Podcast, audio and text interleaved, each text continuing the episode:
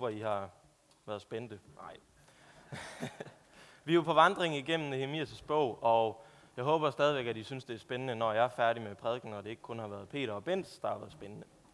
Yes, men det er kapitel 8, vi skal i gang med. Og jeg synes faktisk, at Nehemias bog er en spændende bog. Øhm, det vi skal høre om i dag i kapitlet, det er faktisk hele kapitlet, så jeg kan bare have skrevet kapitel 8. Men det omhandler en gudstjeneste, en fejring af det, der hedder løvhyttefesten. Og løvhyttefesten, det er, der, det er der ikke så meget, der siger os. Men det er faktisk en fejring, en festdag for jøderne på det her tidspunkt. En fejring af, at de er udvandret af Ægypten. Så det sætter hele Nehemias bog lidt i perspektiv, synes jeg i hvert fald, fordi at de netop var tilbagevendt fra eksil og fangenskab i Babylon. Så på en måde var det et nyt exodus, et nyt udvandring fra Ægypten, der skete. Og derfor må det have været helt specielt på det her tidspunkt, da de ligesom gennemgår det her. Øhm, ja, og vi skal høre om, hvordan jøderne i den her beretning ønsker at lære mere om, hvem Gud er. Hans ord. De tager hans ord, de tager Guds lov, og vil gerne have det oplæst for dem. Og de samles som Guds folk, som et folk, på trods af sociale, aldre og kønsskæld på alle mulige måder. De samles som Guds folk, og det er lige præcis det, som jeg vil have fokus på i den her tale. For hvad vil det sige at være Guds folk? Hvad vil det sige at være kirke? Vi læste lidt fra... Prøv lige. Er den så det? Yes. Der. Okay, den virker ikke. Det er lige meget. Vi skal høre, der er nogle fælles ligheder ved den tekst, vi læste lige før Apostlenes Gerninger, som fortalte om kirken, den første kirke på det her tidspunkt, og så Nehemias bog, kapitel 8, hvor jøderne så samles igen. De samles, og der er en fælles søgen efter Guds ord. Så det sker i Apostlenes Gerninger, urkirken, og det sker på det her tidspunkt 400-tallet før Kristus. Der er en søgen efter Guds ord. Der er et ønske om at deltage i fællesskabet. Der er Guds folk, som deler et måltid sammen. Og så er der bøn, lovsang og tilbedelse af Gud. Og det er ligesom det, der kendetegner Guds folk. Og i den her tekst, der er de her forskellige elementer på spil, og det er nemlig det, som jeg vil have, at vi sammen overvejer. Vi skal overveje, hvorfor vi samles til Guds tjeneste. Vi skal overveje, hvorfor samles Guds folk, udover at det blot er tradition, vi gør det for. Om vi gør det, fordi det siger mine forældre, jeg skal. Om vi gør det, fordi at om vi har en kirke, og det har vi ligesom haft igennem 2000 år. Men hvad er den underliggende grund til, at vi som kirke samles? Hvad er den underliggende grund til, at Israel, jøderne på det her tidspunkt samles? Og hvorfor er det, at vi hver eneste gang, vi samles, bruger Bibelen? En 2000 år gammel bog, og endda ældre for nogle af teksterne. Hvorfor er det, at vi bruger det? Det vil jeg gerne lige have, at man sidder og overvejer i løbet af, kan man finde på en underliggende grund til, hvorfor vi bruger den her Bibel og samles. Vil du skifte igen nu? Yes. Hvor er vi henne i Nehemias bog? Jamen, vi er i kapitel 8. Jeg håber, I kan se det. Kapitel 1-7, det var beretning om israelitterne, der vender tilbage, og de genopbygger Jerusalems bymur. Og så er der en masse liste med navne og så videre med dem, der er hjemvendt tilbage. Og der er en skildring af, at der er krig, eller der er i hvert fald urolig, politisk urolighed omkring dem. Der er nogen, der vil have dem ned med nakken. Så jeg, jeg synes, det der er fokus på i kapitel 1-7, det er fysisk opbyggelse af Guds folk. Så kommer vi ind i kapitel 8-10, det er en anden stor del af, af Nehemias bog, og jeg, det jeg ser, det er, at det er en åndelig opbyggelse af Guds folk, der er fokus på her. Så beretningen om der er beretning om gudstyrkelsens tilstand i blandt jøderne på det her tidspunkt, og det er som er åndelig gudstyrkelse i fokus. Og det, jeg synes, Nehemias bog fortæller, for mig at se, det er, at mennesket fejler. At vi igen og igen, uanset hvor mange bymure vi ønsker at bygge op, og hvordan vi ønsker at indordne vores samfund som kirke, som, og så videre, det er, at vi bliver ved med at lave rav i den. Menneskehjertet er det samme på det her tidspunkt, som det var i år 2000, da urkirken samles, som vi havde i Apostlenes Gerninger, der vi læste. Og i dag er det det samme. Jo, vi kan godt være, at vi har fået fremskridt og blevet klogere, men menneskehjertet er det samme.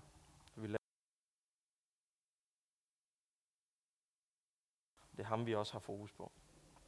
Men, vil du skifte igen, lille?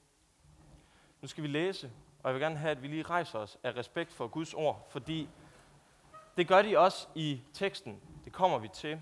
Jeg tager den lidt i bidder, bid for bid, og så øh, taler jeg lidt om teksterne. Men jeg starter lige med at læse op her. Da den syvende måned kom, og israelitterne havde bosat sig i byerne, samledes hele befolkningen, alle som en, på pladsen foran vandporten. Og de bad Esra, den skriftlærte, hente bogen med Moses' lov. Den lov, Herren havde pålagt Israel. Den første dag i den syvende måned kom præsten Esra med loven til forsamling. Mænd og kvinder og alle, der var i stand til at lytte. På pladsen foran vandporten læste han den op, fra det blev lyst til midt på dagen. For mændene og kvinderne og dem, der var i stand til at lytte. Og hele folket hørte opmærksomt på oplæsningen af lovbogen. Esra, den skriftlærte, stod på en platform af træ, den var lavet til formod. På hans højre side stod, og nu kommer der nogle svære navne, Matatia, Shemar, Anaya, Uria, Hilkia, Maaseja, og til venstre for ham stod Pedaya, Mishael, Malkia, Hashum, Hashbadana, Sekaja og Meshulam. Ja, I må gerne øh, sætte jer ned igen. Jeg har øvet mig på de navne der. det vil være lidt... Øh, Vil du skifte øh, slide, Lille? Ja. Hele Guds folk samles alle som en foran en herre, vores Gud. Kan vi lige alle sammen sige, alle som en? Okay, vi prøver. Alle som en. Okay, det var stærkt. Jeg havde regnet med, at jeg skulle sige det igen, men uf, det, vi tager den her. Okay, Guds folk samles alle som en. Det gør vi jo også her. Og det er også noget af det, jeg vil have fokus på. Det kan godt være, at israelitterne var uenige om alle mulige ting på det her tidspunkt. Det var mennesker som os, der, havde, der kunne have problemer med hinanden, når de samles. Men når de samles, så havde de et sind. De er under en herre, nemlig vores Gud. Og de har jo nok været i diskussioner, når de var færdige med aftens, nej, dagens arbejde, og ligesom skulle slappe af på by, øh, taget, deres hustag, og ligesom skulle sidde og snakke, hvem har lavet mest, hvem var god til det, hvem er, hvem er bedst til at designe, og hvem skal lede os i det her, osv. Så de har nok været uenige om en masse ting, ligesom os, som vi kan være. Eller hvem var bedst til at bygge, hvem skulle bestemme, og hvad, og så videre. Og hvad var vigtigt. De her ting kunne jo ligesom blive diskuteret op og ned for evigt nærmest. På samme måde med os i dag. Nok kan vi stemme på forskellige partier. Det er jeg sikker på, at rigtig mange af os, vi stemmer på forskellige partier herinde. Vi har forskellige erfaringer, vi ønsker forskellige ting med det nye alderparti, som vi på et tidspunkt skal have. Der er nogen, vi har nedsat en arbejdsgruppe, som ligesom skal designe et nyt alderparti, og man kan være uenig, og det er i orden. Og det gør vi også i dag. Og vi kan tale om, hvordan en kristen bør gøre i den og den situation. Men når vi samles, så er vi alle sammen en under Jesus Kristus, og vi er alle sammen lige foran Gud. Og israelitterne, et andet ord, hierarkier, de havde nok forskellige hierarkier. Der var forskellige hierarkier imellem kønnene, imellem forældre og børn, imellem ældre og yngre, imellem fremmede og ikke fremmede, som vi ikke har i dag, på godt og ondt. Forhold, der var ubehagelige, socialt set, hvis man stod i den og den situation. Men når de stod foran Gud, så var de alle sammen lige. Alle var mennesker, som fejlede, og de kunne også gøre godt. På samme måde er vi lige, når vi mødes her om søndagen. Når vi sidder her rundt på rækkerne. Vi er alle sammen lige foran Gud. Nok kan vi have forskellige situationer på arbejdspladsen, mandag, tirsdag, onsdag, torsdag, fredag, lørdag, hvor vi kan være totalt forskellige, og nogen bliver værdsat mere end andre. Vi kan have sociale vennekredse, kammeratskaber, familier, hvor vi står forskellige, i forskellige hierarkier. Og det kan være behageligt at være en begunstiget person i det og det situation. Og det kan være meget ubehageligt at være i en anden situation. Men når vi mødes her, så skal Guds folk blive mindet om igennem Guds nærvær, igennem lovsangen til ham, igennem bønnen, igennem prædiken, igennem fællesskabet, at vi alle sammen er lige, igennem nadveren og igennem dåben. Vi alle sammen tilhører Gud. Vi er skabt til at tilhøre ham. Og vi bliver alle sammen frelst ved den samme, nemlig Jesus Kristus, på samme måde, og det vi tro. Vi er alle skabt i Guds billede. Det starter Bibelen jo med at deklarere i første Mosebog, kapitel 1 allerede, vers 26 og frem, der begynder Gud allerede at sige, skaber dem i mit billede. De ligner mig. De er elskede. Uanset om de om tirsdagen, tirsdag morgen kan synes, at det hele er lidt svært, fordi at jeg ikke er en begunstiget person i den her situation. Vi skal altid huske på det her, og det er det, som samler os som kirke. Det er det, der gør, at vi er så mange forskellige mennesker, forskellige arbejdspladser osv. Vi kan samles her, fordi vi mødes under en Gud, mødes under den samme. Det er det, der skal være vores identitet. Og mennesker skal vide det her. Det er det, vores opgave er. At vi skal prædike det for hinanden. Vi lever under en ny virkelighed. Vi lever ikke under de her sociale klasseskæld og så videre, kønsskæld og alt muligt. Her er vi alle sammen lige. Og det er gode nyheder. Så hvis du kommer i et fællesskab, hvor det bærer præg af de her situationer, som jeg beskrev med, at det er ubehageligt osv., så husk på, at du kan fortælle videre om den her situation, at foran Jesus, så er vi alle sammen lige, og alle kan få mulighed for at tilhøre ham. Ja. I bliver bare siddende. Lille, vil du skifte? Så læser vi videre. Ja, du er allerede skiftet.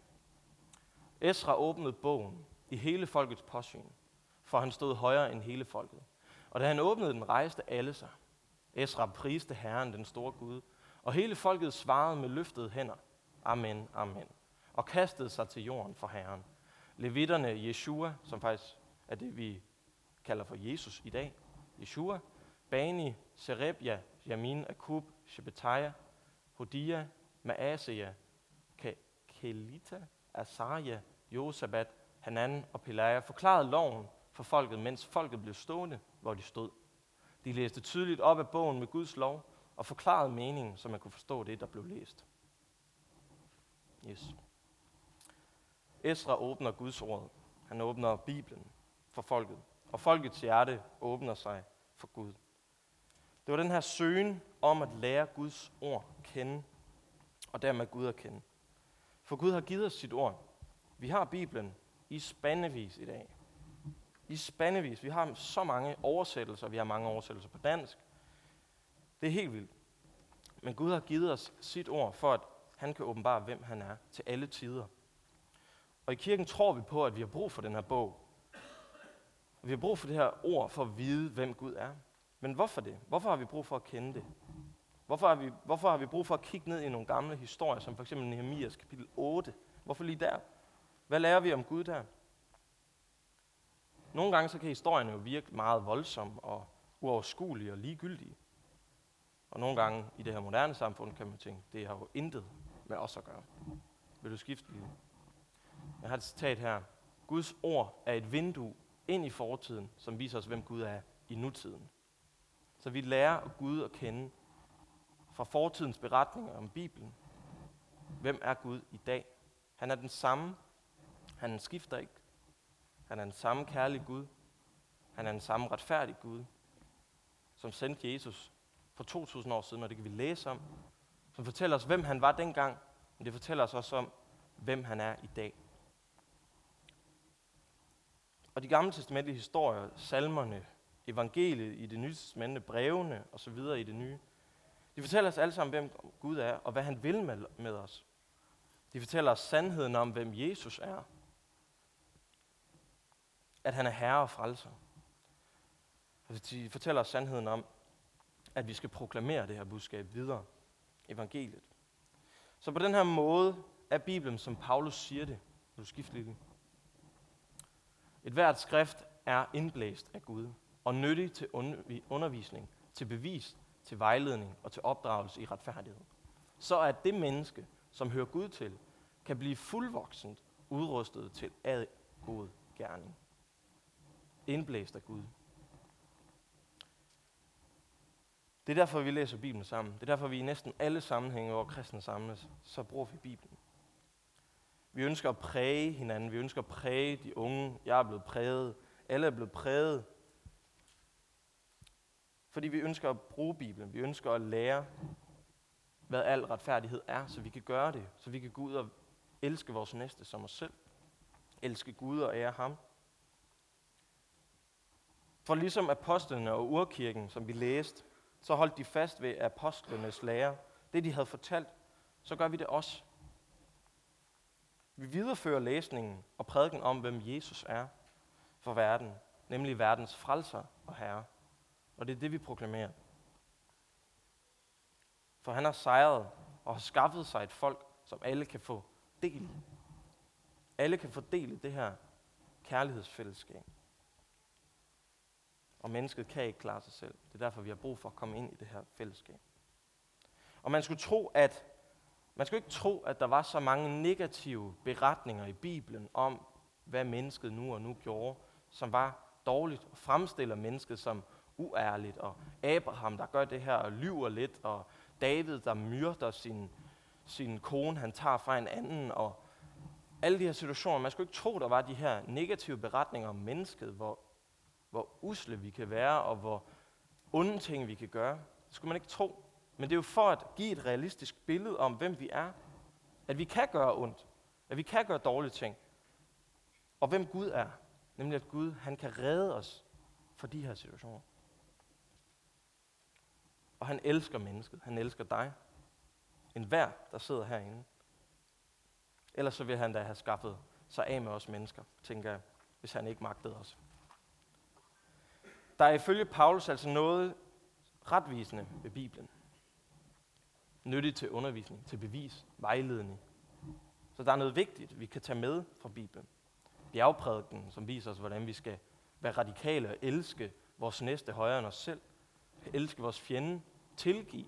Tilgive i de situationer, hvor det går ondt, fordi det kan ikke være rigtigt, at det skal være sådan. Der er tre retninger, vi skal elske. Vi skal elske opad til Gud. Vi skal elske udad til hinanden, til næsten. Vi skal elske indad. Det skal vi også gøre.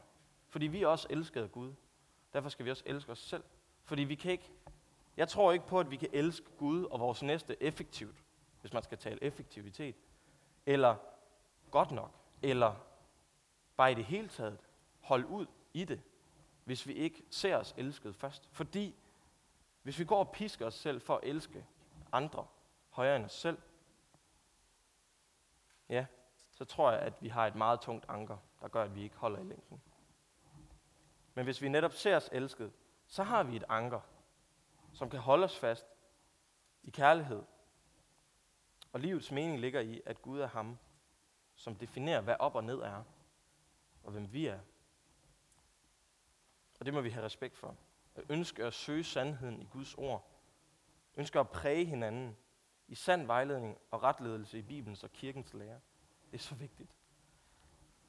Vil du skifte? Tak. Jeg læser lige det her op. Det er også lidt længere, men vi tager det også lige. Derpå sagde stadholderen Nehemias, om bogen ligesom har fået navn efter, og præsten Esra, den skriftlærte, og levitterne, der underviste folket, til hele folket. Denne dag er hellig for Herren jeres Gud. I skal ikke sørge og græde. For hele folket var begyndt at græde, da de hørte lovens ord. Han sagde til dem, gå hen og spis fede retter og drik sød vin, og send noget af det til dem, der ikke har noget. For denne dag er hellig for Herren. Vær ikke bedrøvet, for glæde i Herren er jeres styrke. Og levitterne beroligede hele folket og sagde, vær stille, for denne dag er hellig. Vær ikke bedrøvet. Så gik hele folket hen for at spise og drikke, og sende mad ud og holde en stor glædesfest, for de havde forstået de ord, der var forkyndt for dem. Hold så op med det tuderi. Ti stille. Det er faktisk en ret sjov tekst, det her, synes jeg. Stop med at græde. Gå hen og spis noget mega lækkert. Hyg jer. Drik noget god vin. Ha' det godt, fordi det er en hellig dag, det her. For Gud. Vi har også specielle mærkedage. Vi tænker på julemåltiderne, påskemåltiderne, pinsemåltiderne osv., og vi kan sikkert komme på mange flere. Og jeg tror, at de kommer fra det gamle testamente simpelthen. Vi har nogle dage, hvor vi mindes det, der skete, og vi fejrer det. For mange er det selvfølgelig bare tradition, men der ligger en underliggende grund bag de her dage. Og dem skal vi finde frem til. Fordi det er det, der giver traditionerne liv jo. Ellers så er det bare traditioner for traditionernes skyld, og det skal det ikke være. Vi skal påminde os om, hvad der er vigtigt. Og vi tænker, når vi får at vide, spis og vær ikke ked af det. Spis og hygge og drik god vin. Og så tænker jeg, yes Gud, Det er jeg god til. Jeg er rigtig god til at spise mig mæt i fede anderetter og alt muligt andet. Folket deler mad ud til andre mennesker, som, som ikke har mulighed for at fejre festen. Og teksten forudsætter jo her til sidst, at de forstod ordet. Så man kan også misforstå ordet. Hvis de havde misforstået ordet, havde de så gået ud og grædt i syv dage i streg og sørget og gået i aske og så videre i lasede klæder. Denne dag er hellig for Herren. Glæden i Herren er jeres styrke. Lille, du må gerne skifte. Glæde i Herren er din styrke også. Din styrke. Hvor er det et stærkt udtryk. Din styrke til at leve det liv, som du har fået, ligger i Gud. Folket skal bekende deres synder. Det gør det, de græder. Og i næste kapitel, som Peter vil tage os igennem i næste uge, der ser vi også, at de bekender deres synd, som de har gjort. De har fejlet som Guds folk. Og vi skal også bekende vores synder over for hinanden. De handlinger, som vi gør, som ikke er gode. De handlinger, som ødelægger fællesskabet. Som ødelægger en relation til hinanden. Og det er der bare meget stærkt i, at bekende for hinanden og sige undskyld. Undskyld for det, jeg har gjort. Beklager. Men den første måde at respondere på til Gud, det er at glædes over hans nåde og sige tak. Tak Gud, fordi du vil os det godt. Tak Gud, fordi på trods af, på trods af det, jeg kan udrette, som er dårligt, så elsker du mig stadigvæk, så har jeg en værdi. Det er den første måde at respondere til Gud på. At svare Gud på. Tænk, at han vil os det godt. Det er da noget, vi kan glæde os over.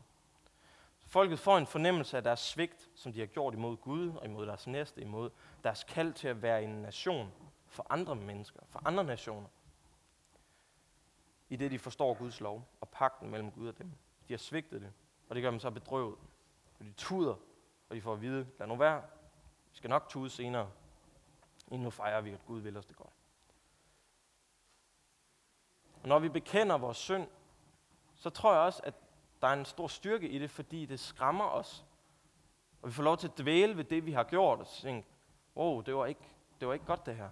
Når vi bekender det, der er noget stærkt i det, over for vores næste, over for os selv. Så vi skal ikke undervurdere den styrke, der er i bekendelsen. Det er derfor, vi har forbøn. Det er derfor, vi har nadver. Det er derfor, vi har tilgivelse til hinanden. Vi har skriftemål, hvis man stadig gør det. Det håber jeg, at der er nogen, der benytter sig af. Det er vigtigt. Og vi holder nadver, og det har vi gjort kontinuerligt igennem 2.000 år nu. Og det gør vi jo for det første, fordi det er et bud fra Jesus, men for det andet, og i det bud ligger jo også, at vi husker, vi ihukommer, som det hedder, Jesu lidelse og død, og ser os sat frie fra synden, sat frie fra djævlen, sat fri fra vreden og døden i pakten med Jesus, som vi fik igennem vores dåb. Yes. Lad os læse det sidste stykke. Den følgende dag samledes overhovederne for fædrenehuset i hele folket. Præsterne og levitterne hos Esra, den skriftlærte, for at skaffe sig indsigt i lovens ord. I loven, som Herren havde pålagt ved Moses, fandt de skrevet, at israelitterne skulle bo i løvhytter under valgfartsfesten i den syvende måned, og at de skulle lade bud gå ud til alle deres byer og til Jerusalem og forkynde, gå ud i bjergene, bringe løv fra oliventræer, vilde oliventræer, myrter, palmer, løvrige træer, så vi kan bygge løvhytter som foreskrevet. Så gik folket ud og bragte grene hjem og lavede løvhytter på hvert sit tag i deres gårde og i foregården til Guds hus og på pladsen ved vandporten og på pladsen ved Efraimsporten. Hele forsamlingen af, det, af dem, der var vendt tilbage fra fangenskabet, lavede løvhytter og boede i dem. Det havde israelitterne ikke gjort fra Josvas, Nuns søns dage, indtil denne dag. Det blev en meget stor glædesfest. Esra læste op af Guds lovbog dag efter dag, fra den første dag til den sidste dag. De fejrede festen i syv dage, og på den 8. dag holdt de festforsamling i overensstemmelse med forordningen. Det sidste stykke her. Guds folk går ud og gør det, der kræves af dem. De går ud og giver mad til dem, der ikke kan være med. De går ud og fejrer det. Og det er det sidste, jeg vil dvæle ved nu. Lad os gå ud og gøre det, Jesus kræver af os. Elske vores næste. Elske Gud. elske os selv, prædike ordet for vores venner, vores kollegaer, vores familie, vores naboer osv. At Jesus er opstået fra de døde. At Jesus sejrede over døden på korset og synden og betalte den og sejrede over djævlen. Det er de gode nyheder. Og at alle kan få del i Guds rige. Og at Jesus er herre og skal sætte jorden fri fra smerte, synd og alt mulig lidelse en dag. Det er det håb, vi går med. Det er det håb, der bringer tryghed ind i vores hverdag. Nu prøver jeg at tage det sidste slide nu. Glæde i Herren er din styrke. Det er det, der giver os tryghed. Hvis du ikke kender Jesus personligt, så prøv med at komme fast i en kirke. Prøv med at lære nogle kristne at kende. Prøv at lære det at kende, som vi lærer igennem Bibelen. Lær om budskabet. Og til os kristne, det sidste besked, og så slutter jeg, vil jeg gerne formane her lidt sidst. Det er et, det er et gammelt ord, det er sådan lidt, uh, det er lidt mere end en opmundring. Det er lidt mere sådan alvorligt. Nu, nu synes jeg, vi skal gøre det her. Som min sjælesovs og prædikenlærer, Leif Andersen, har sagt en gang til en undervisning, siger, har vi kristne gjort det svært at blive kristen? Har vi gjort det for svært at blive kristen? Der er mange mennesker i Danmark, som er troende. Det tror jeg på. Det tror jeg på. Men de vil ikke kalde sig kristne. Og jeg tror, det kan skyldes i nogle tilfælde, at vi kristne har opstillet nogle krav, man socialt, politisk og personligt skal opfylde og udfylde og underskrive, før man cirka er godtaget som kristen og en del af flokken.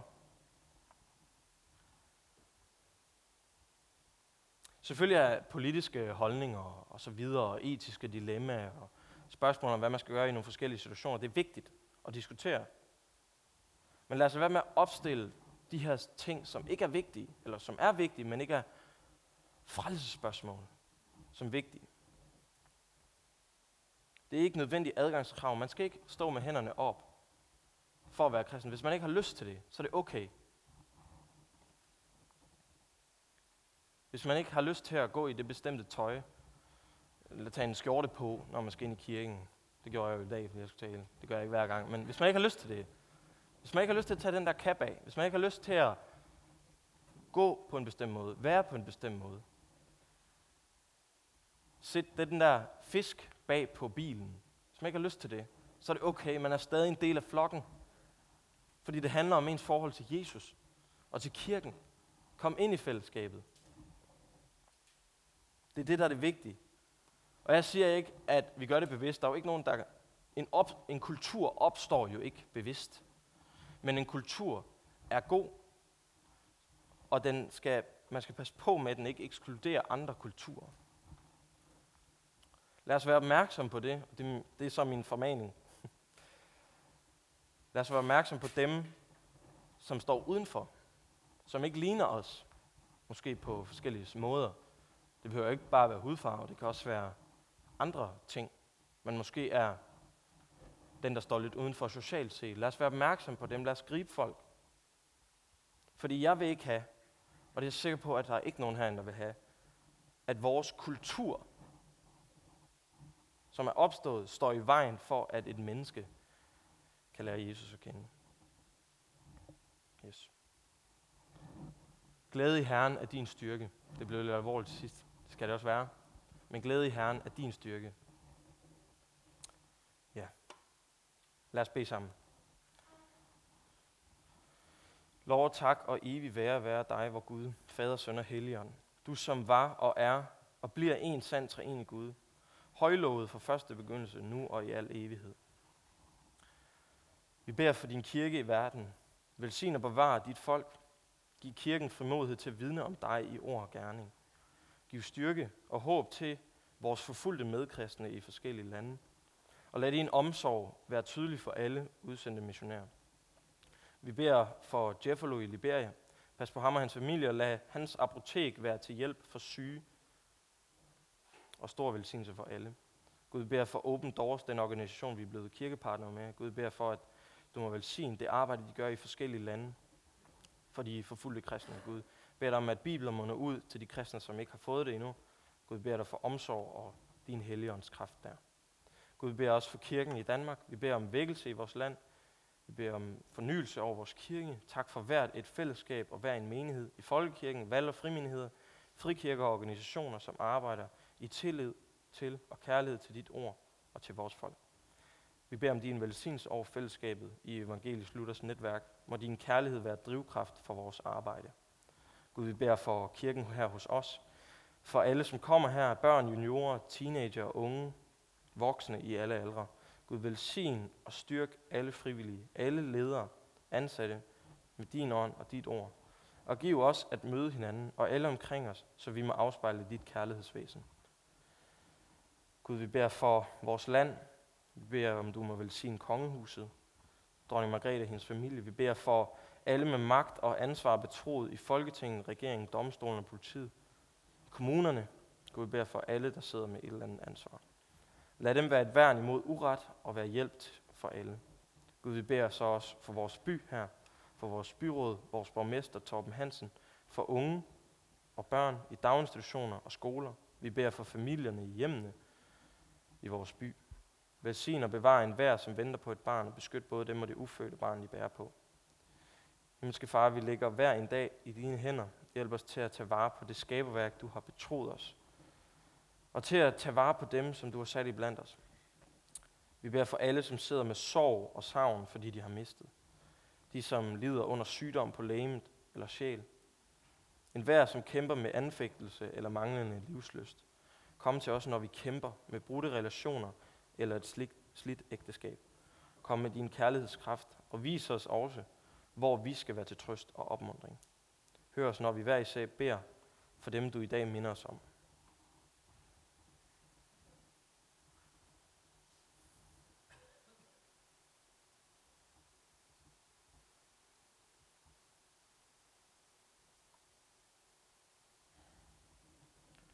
Herre, bevar os alle hos dig, og lad os samles i dit rige, når du nyskaber himmel og jorden. Indtil da beder vi, led mig frelser ved din nåde, også når jeg selv vil råde og vil gå min egen vej. Sæt mig, hvor jeg bedst kan gavne, men lad mig aldrig savne vidshed, at jeg tjener dig. Amen. Yes. Vi rejser os og tilønske hinanden, hvor Herre Jesu Kristi nåde og Guds kærlighed og Helligåndens fællesskab bærer med os alle. Amen.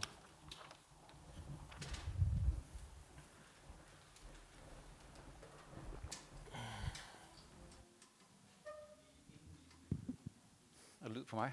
Godt. Tak for det, Sebastian. Og øh, bare et ord, inden vi, øh, når vi nu synger den næste salme, så kommer der et mobile over på skærmen. Det vi samler ind til i dag, det er faktisk øh, det er teknikken.